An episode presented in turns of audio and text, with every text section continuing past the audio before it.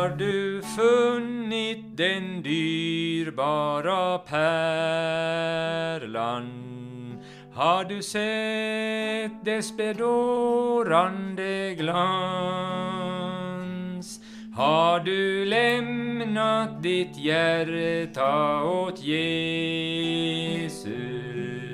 Kan du säga att helt du är hans? Den som söker, han finner. Den som beder, han får. Syndasmärtan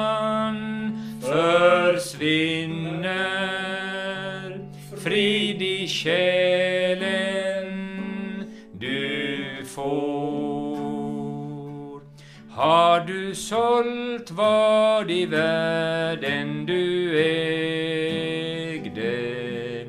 Hades nöjen och flärd du försmått för att köpa den dyrbara pärlan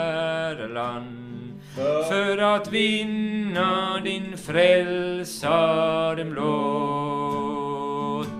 Ja, den som söker, han finner.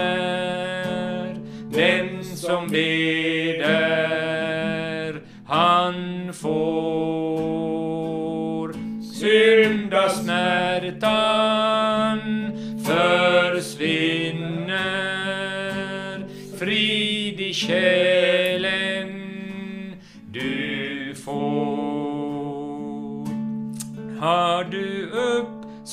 från sömnen, min broder? Har du funnit en skatt på din stig? Har du vunnit den sköna juvelen? Är frälsaren dyrbar för dig? Ja, den som söker, han finner. Den som beder, han får. Syndasmärtan försvinner. Frid i själen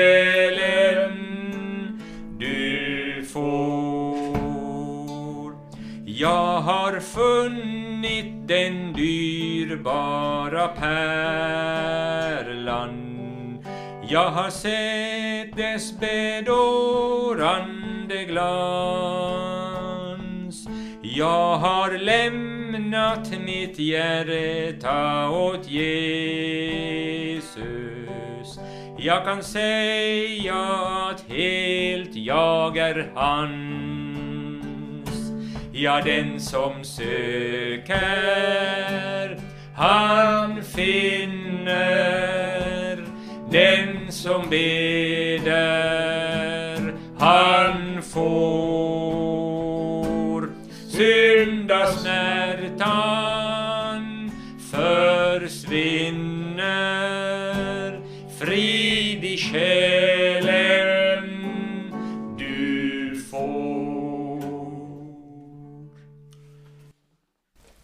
Låt oss gå då till eh, Lukas evangeliets fjärde kapitel. Där Jesus börjar sin verksamhet enligt Lukas i Nasarets synagoga. Det står så då att i vers 16, Lukas fjärde kapitel, så kom han till Nasaret där han var uppfödd. Och på sabbatsdagen gick han, så som hans sed var, in i synagogan.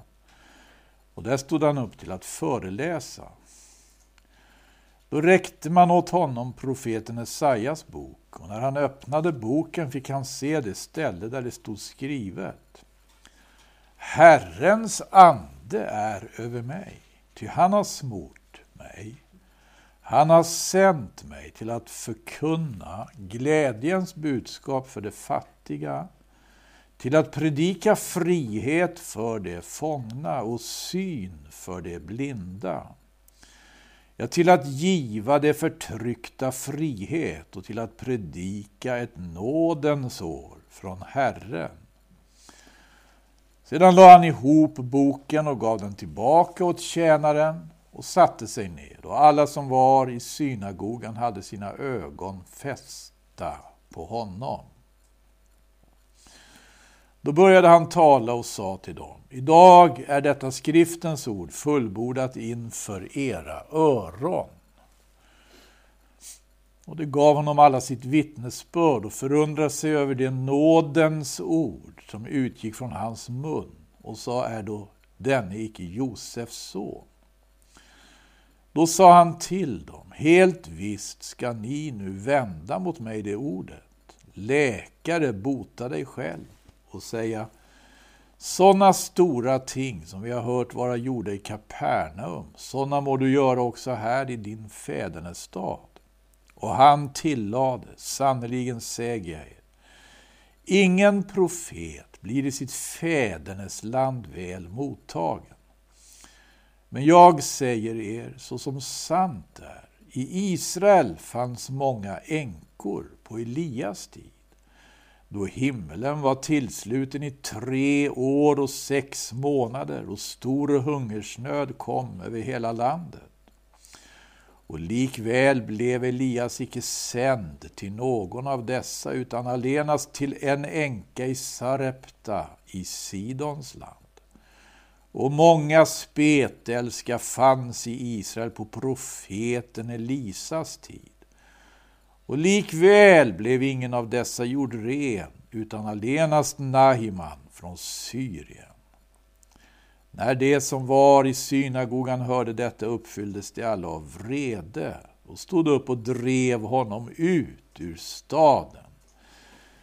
Herre, är det ju ganska tydligt då att Jesus presenterar inte sitt ärende som någon slags alltså allmän ja, social omsorg eller hälsovård, sjukvård.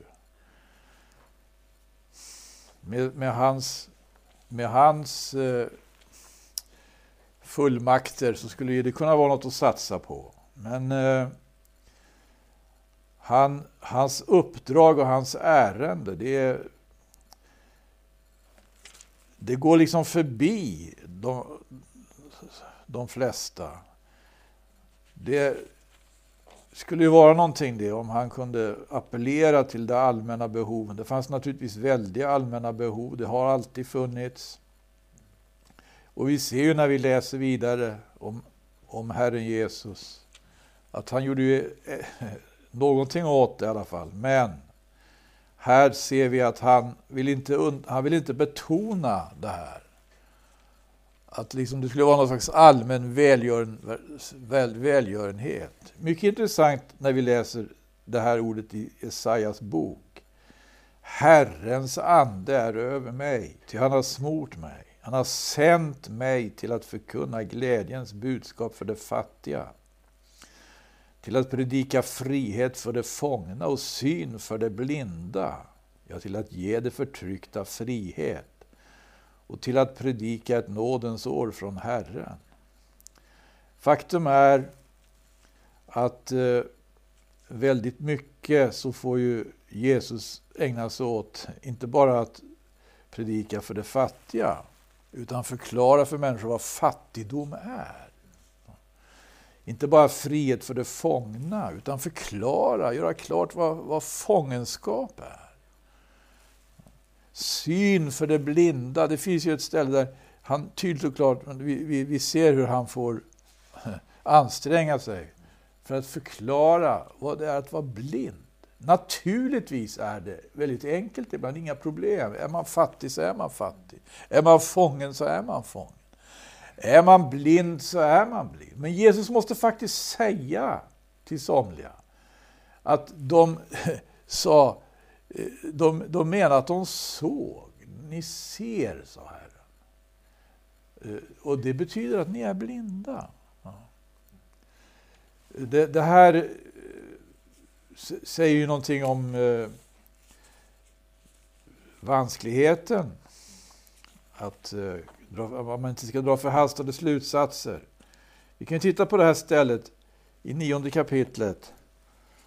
Då, då, då har Jesus faktiskt gjort en människa som var blind, född blind också. Seende, han, han fick sin syn när Jesus rörde vid honom. Och det här blev en väldig diskussion då med de närmaste anhöriga, med de skriftlärde och så vidare. Det var nämligen på sabbatsdagen som Jesus gjorde det här. Och det var ju inte välkommet. Och den här diskussionen kan vi läsa om i nionde kapitlet. Och hur den här mannen som, ble, som blev botad från sin blindhet ännu en gång möter Jesus. Han hade nämligen blivit eh, utdriven ur det skriftlärdes och fariseernas krets. De hade ställt frågor till honom. Och det står i vers 35, när, när Jesus träffade honom sa han, tror du på Människosonen? Han svarade och sa, Herre, vem är han då? Säg mig det så att jag kan tro på honom. Jesus sa till honom, du har sett honom. Det är han som talar med dig. Då sa han, Herre, jag tror. Och han föll ned för honom. Och Jesus sa, till en dom har jag kommit hit i världen, för att det som icke ses ska bli seende, och för att det som ses ska bli blinda. När, står det här sen, några fariser som var i hans närhet hörde detta, sa det till honom, är då kanske också vi blinda? Jesus svarade dem, vore ni blinda så hade ni icke synd. Men nu säger ni, vi ser, därför står er synd kvar. Det var alltså någonting här som han måste förklara för dem. Han botar inte bara det blinda. Han förklarade också för de seende att det var egentligen det som var deras problem. Vad, vad tror vi att vi är? Vi säger ibland, vi tycker att vi lever i fri, ett fritt land och så vidare. Vad är frihet egentligen? Fattigdom, eh, rikedom, syn. Eller så, det, det, här är någonting som också är vad en av församlingarna får lära sig av, av, av, av Herren. Det är Laodiceas församling, som det står i Uppenbarelsebokens tredje kapitel, menar sig vara rik.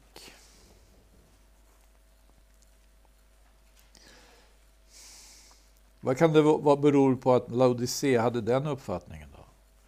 Sändebrev till Laodicea i Uppenbarelsebokens tredje kapitel. Från vers 14. Skriv till Laodiceas församlingsängel. Så säger han som är Amen. Det trovärdiga och sannfärdiga vittnet, begynnelsen till Guds skapelse. Jag känner dina gärningar, du är varken kall eller varm. Jag skulle önska att du vore antingen kall eller varm. Men nu då du är ljum och varken varm eller kall ska jag utspy dig ur min mun. Du säger ju, jag är rik. Ja, jag har vunnit rikedomar och behöver inte. Då du vet icke att du just är eländig och ömkansvärd och fattig och blind och naken. Han skulle predika evangelium för de fattiga, fick vi höra. Men här möter han några som redan har hört honom, hört hans budskap, men som har liksom eh, förankrat sig i en föreställning som är felaktig och falsk. Man säger jag är rik. Och då får Jesus tala om att du är fattig. Va? Så råder jag dig då att du köper av mig guld som är luttrat i eld för att du ska bli rik. Och att du köper vita kläder till att kläda dig i. För att din nakenhet skam icke ska bli uppenbar. Och att du köper ögonsalva till att smörja dina ögon med för att du skall kunna se. Någon menar sig vara rik, inte bara rik då tydligen, utan verkligen klädd och verkligen seende. Men allt det här kommer alltså inför, inför Mästaren att falla, hela den här föreställningen. Och han får tala om vad som är den verkliga situationen inför Gud. Hur saker och ting ser ut inför Gud. Det är det som är så allvarligt. Det här är också, när vi läser Bibeln så läser vi ju om profeterna. Jesus påminde i Nasarets synagoga om profeten. Han påminde om Elisa. Han påminde om Elia. De hade just det här uppdraget. Att såsom profeter förkunna, förklara för människor vilket som var den verkliga situationen. När man hade vaggats in i falska föreställningar. Man menar man var gudfruktig. Men man hade ju vänt sig till en helt annan gud. Det var inte den guden. Det var inte Baal som det var meningen att Israel skulle tillbedja och tjäna. Det var Herren som Israel skulle tillbedja och tjäna. Man hade vänt sig till Baal.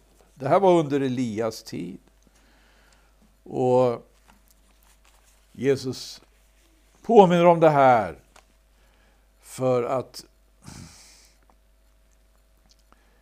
för att liksom förbereda då sinnena och för att för, förvarna, varna, förvarna. Man inte skulle missförstå vad det innebar att han, att han framträdde. Vi har ju haft, och vi är fortfarande kvar i en tid av väldig eh, så att säga, en prövningstid. En prövningstid, en pandemi. Och det är inte bara det. Tillsammans med pandemin så har vi politiska och kampanjer som man undrar ibland. Jag undrar liksom under den här tiden, med, med, med bakgrund av det här ordet vi har läst i Lukas evangeliet. Hur har Herrens, hur har Gud, hur har Guds verk tagit sig fram egentligen? Han, han förklarar ju från början att det liksom, det kanske inte alls är på det sättet som man föreställer sig med honom. Han, eh, han drog inte igång några masskampanjer. Han drog inte igång några politiska kampanjer. Utan eh, han, eh, när han talar om Elia, när han talar om Elisa, så är det ju mötet med den enskilde. Mötet med den enskilde som, som, han, som blir liksom betonat. Och här finns ju just det här, den här tanken. Den här, vad säger, evangeliska tanken som Jesus också uttalar i, i i Matteusevangeliet. Matteusevangeliet 16 kapitel. Vad hjälper det en människa om hon vinner hela världen men förlorar sin själ? Vad hjälper det en människa om hon vinner i hela världen men förlorar sin själ. Gud gick fram på det sättet, genom profeten. Han gick fram på det sättet, genom apostlarna. Han gick från den ene till den andra. Han gick från den ene till den andra. Och Det här har att göra med det som faktiskt kallas för brudmystik. Jesus hade bruden i tankarna. Och när Jesus kom, och så är det när Jesus kommer, då, då, då, är, det, då är det bröllop. Det är bröllop. Kanske inte ser ut som det är bröllop, men det är det. Ja, Jesus själv säger det i Matteus evangeliets eh, nionde kapitel. I nionde kapitlet Matteus evangelium.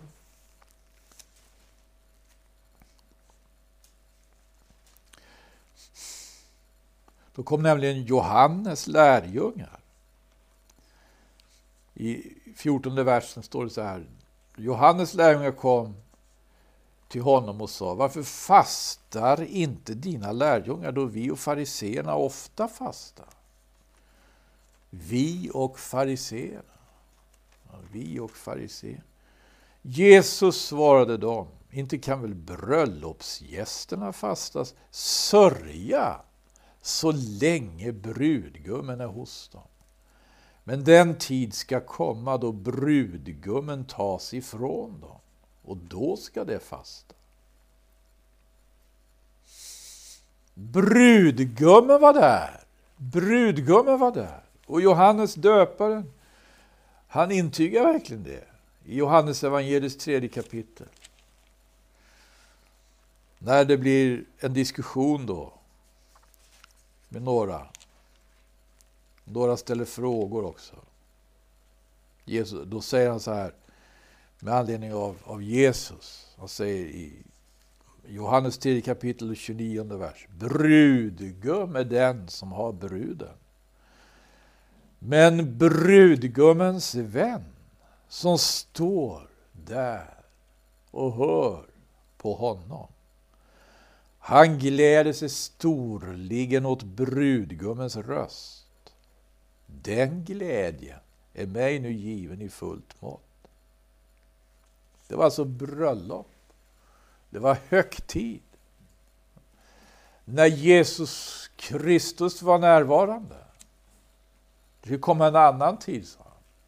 Då brudgummen skulle tagas ifrån den. Men här var han så närvarande. Och det var högtid. Men brudgummen var där. Brudgummen. Det var han som hade bruden. Vem var bruden då? Är inte bruden just den enskildes själ? Den enskilda själen. Som Gud söker. Det betyder så väldigt mycket att den enskilde tar emot honom. Det betyder så väldigt mycket att den enskilde tar emot Guds ord. Det betyder så väldigt mycket att den enskilde, den enskilde individen tar emot Guds ande. Det här Gud går fram, också under pandemitiden. Det här Gud går fram. När han får ett... Det, det här tycker jag också är värt att lägga märke till. I Lukas evangeliets fjärde kapitel igen då. I Nasarets synagoga.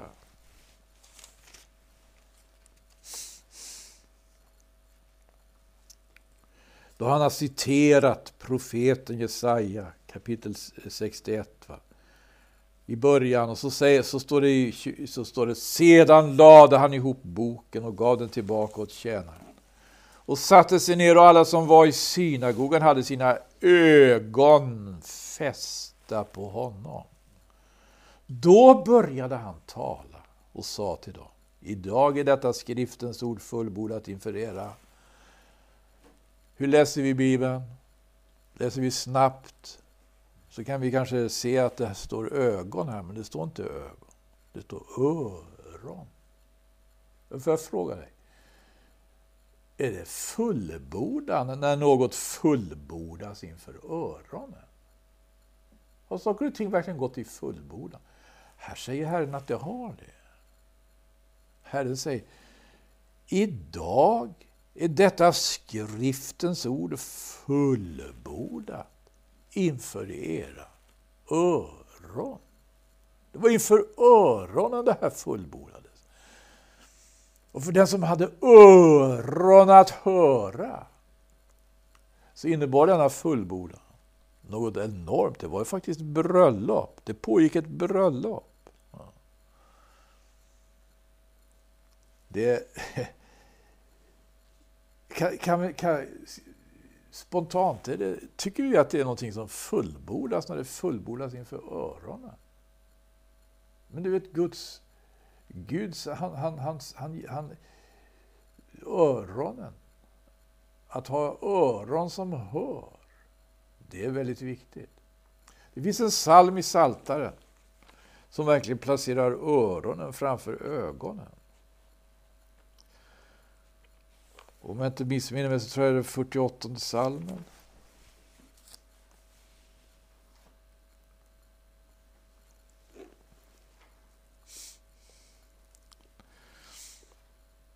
Då står det så här i nionde versen där. Så som vi hade hört, så fick vi se det i Herrens Sebaots dag i vår Guds dag. Så som vi hade hört. När Gud handlar, när Gud går till verket, det började med att Gud säger någonting. Det var det här det började med.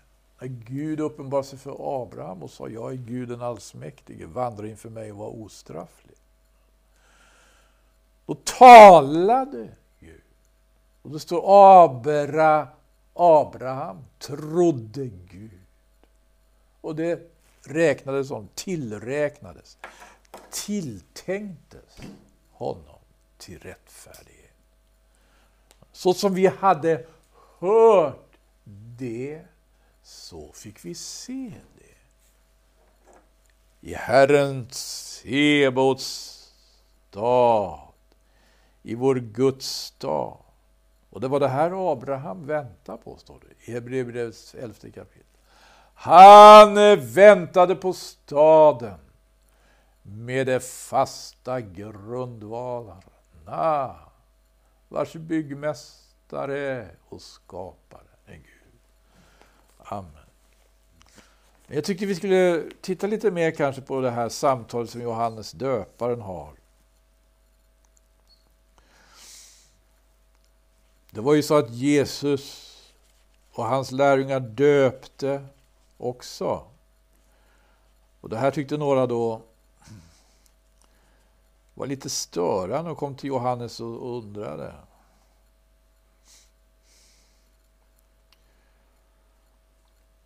Så i 26 vers. Det kom till Johannes och sa till honom.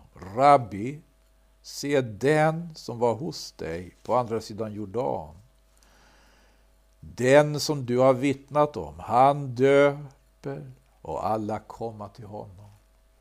Johannes svarade och sa, en människa kan inte taga om det inte blir henne givet från himmelen. Ni kan själva ge mig det vittnesbördet att jag sa, icke är jag Messias, jag är allenast sänd framför honom. Brudgum är den som har bruden men brudgummens vän som står där och hör på honom. Han gläder sig storligen åt brudgummens röst. Den glädjen är mig nu given i fullt mått.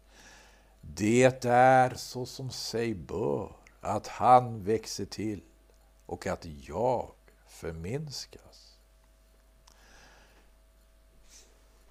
Tänk, om, tänk så många engagerade människor och så många aktiva människor som finns. Så många engagerade människor och så många aktiva. Men vilka är beredda att föra det här resonemanget?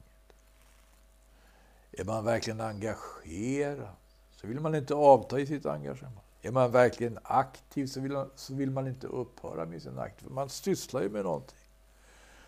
Som man faktiskt tror på, man är övertygad om. Och man vill inte någonting ska komma emellan, man vill inte det alls. Vilken märklig ändå Johannes döparen.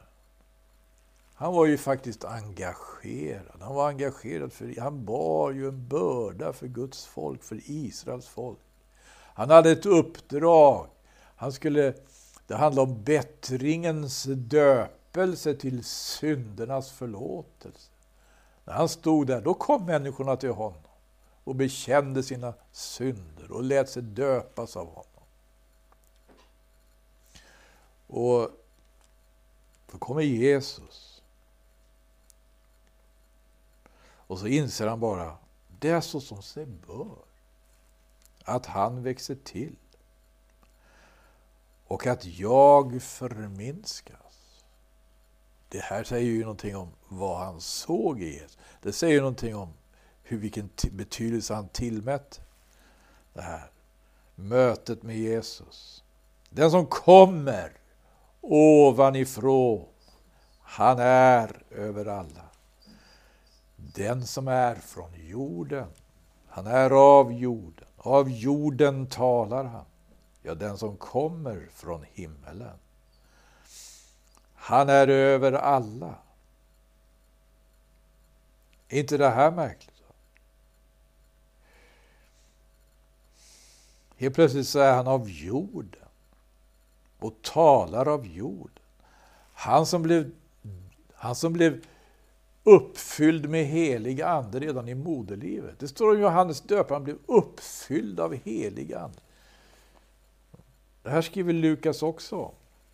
Det var två havande kvinnor som möttes. Det var Maria och det var Elisabet. I mötet med Maria som var Jesu mor så förnam Elisabet att barnet hon bar på riktigt skakade till. Han blev fylld av helig ande redan i moderlivet. Och då står han här och säger att han är från jorden. Han är från jorden och han talar av jorden. Han hade ett budskap från, från himlen. Till och med Jesus, när, när eh, det blir också en diskussion med de skriftlärda och med översteprästerna i Jerusalem. Det, det gick just ut på det här. Man ville, man ville veta med, med, med vilken myndighet Jesus gick till verket. När han inte bara stod i helgedomen och undervisade utan dessutom gjorde ett gissel av tåg och drev ut månglarna ur templet Och gjorde så mycket annat också.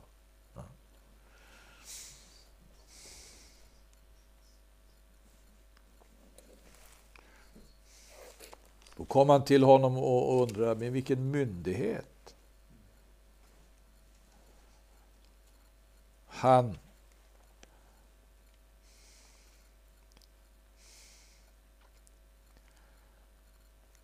Han gick till verket. Och han svarade, ja, han hade också en fråga, sa han.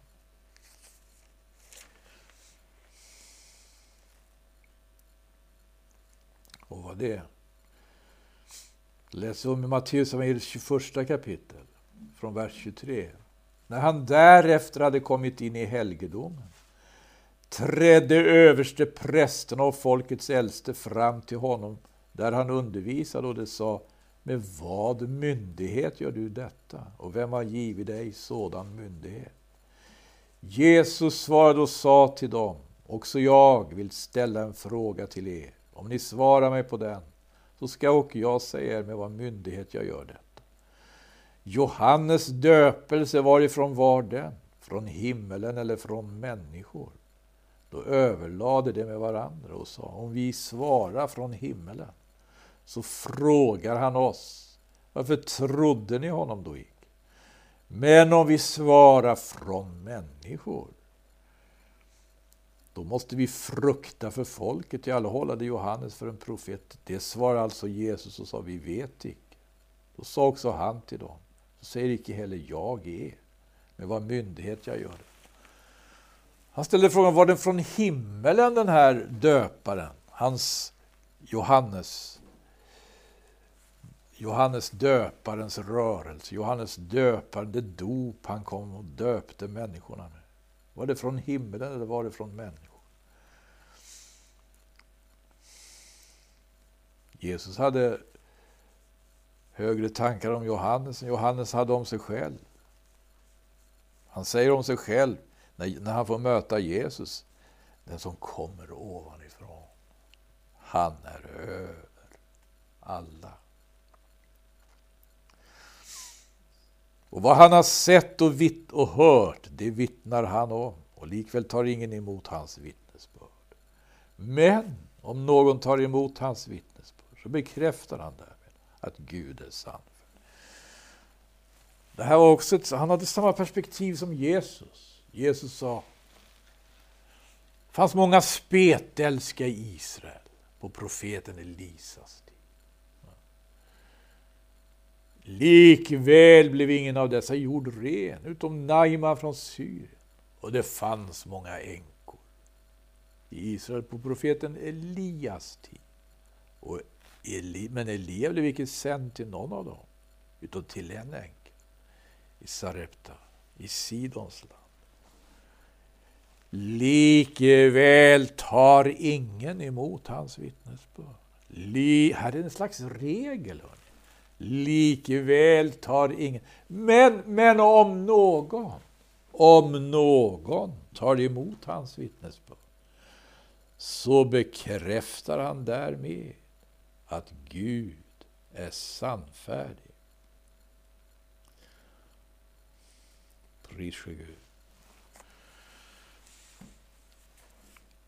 Och jag har ett ställe i Hebreerbrevet på mitt hjärta också. Nu vill jag få med det här, den här stunden. Om vi går till Hebreerbrevets trettonde kapitel.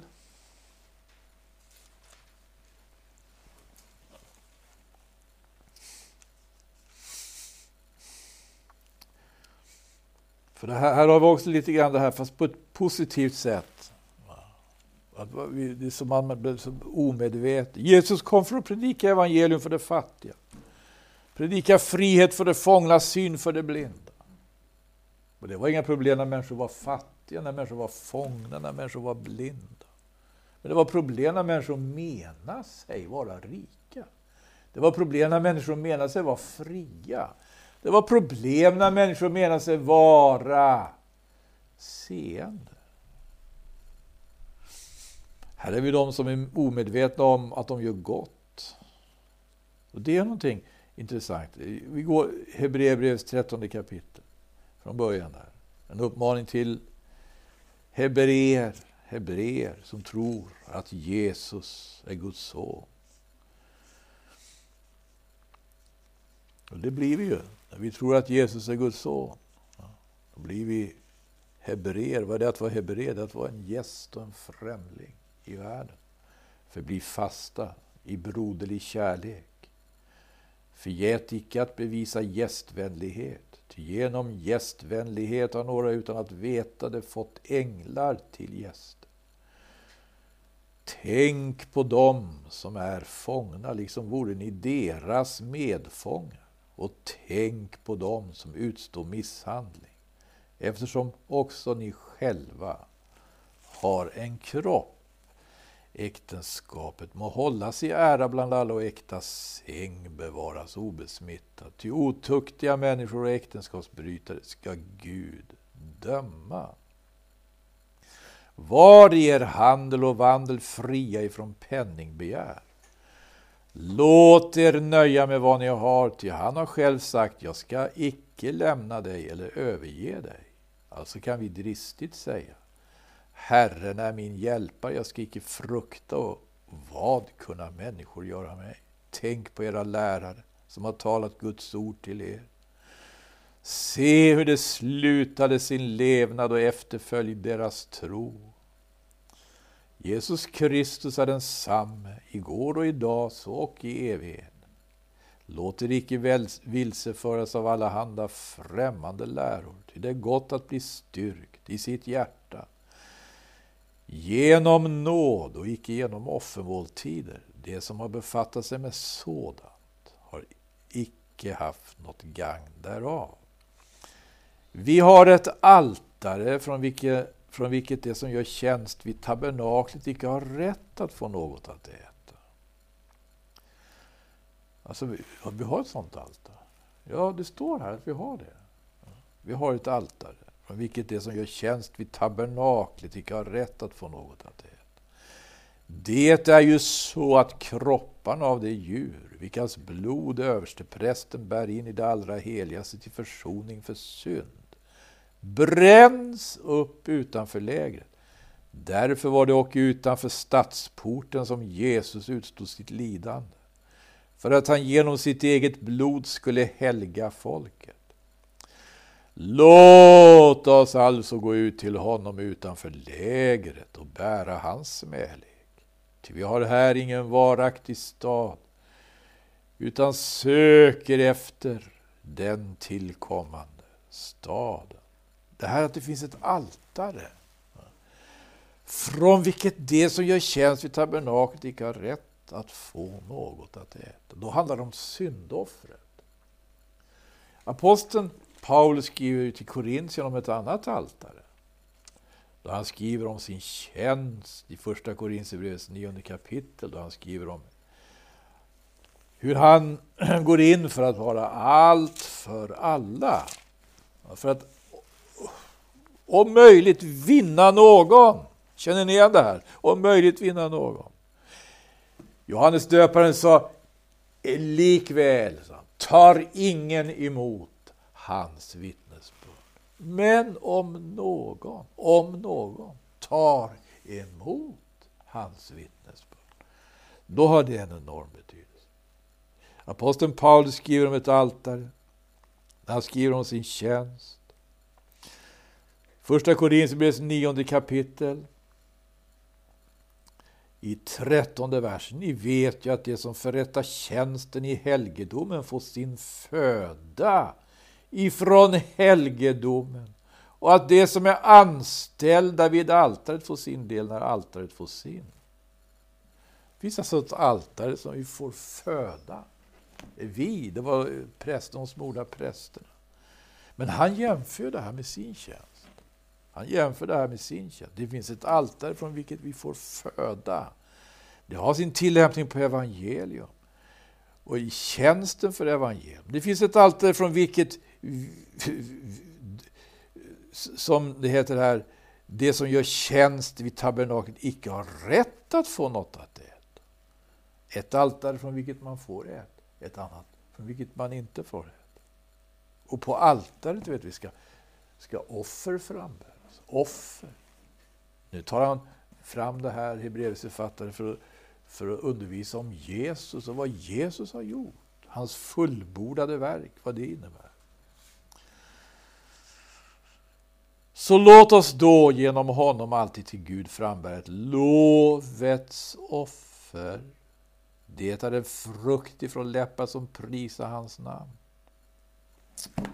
Det var ju det här jag skulle hålla bibelstudier. Jag bara når fram till det med nöd och näppe. Och sen har tiden gått. Ett lovets offer. Vad är det? Ett lovets offer. en frukt ifrån läppar som prisar hans namn. Det här, är, det här har ingenting att göra med, eh, med det som, som tyvärr inte sällan är fallet. Profeten Jesaja är det ju som får, får dundra mot en, en, en, en en helt ytlig och missriktad gudstjänst. Han säger, detta folk nalkas mig med sina läppar. Men deras hjärtan är långt ifrån mig. Ett lovets offer kan aldrig vara frågan om det. Det kan aldrig vara frågan det är när vi är i samklang, i samklang med Gud. Så som psalmisten får fram det. I minst en psalm. När människan är i samklang med Gud, när människan är i samklang med sin skapare, kan vi komma i samklang med Gud, kan vi komma i samklang med vår skapare. Det finns ett hopp! Halleluja! Det gör det. Därför Jesus Kristus är densamme igår, idag, så och evigt. Amen. Gud välsigne vårt hörande öra. Tack ska ni ha.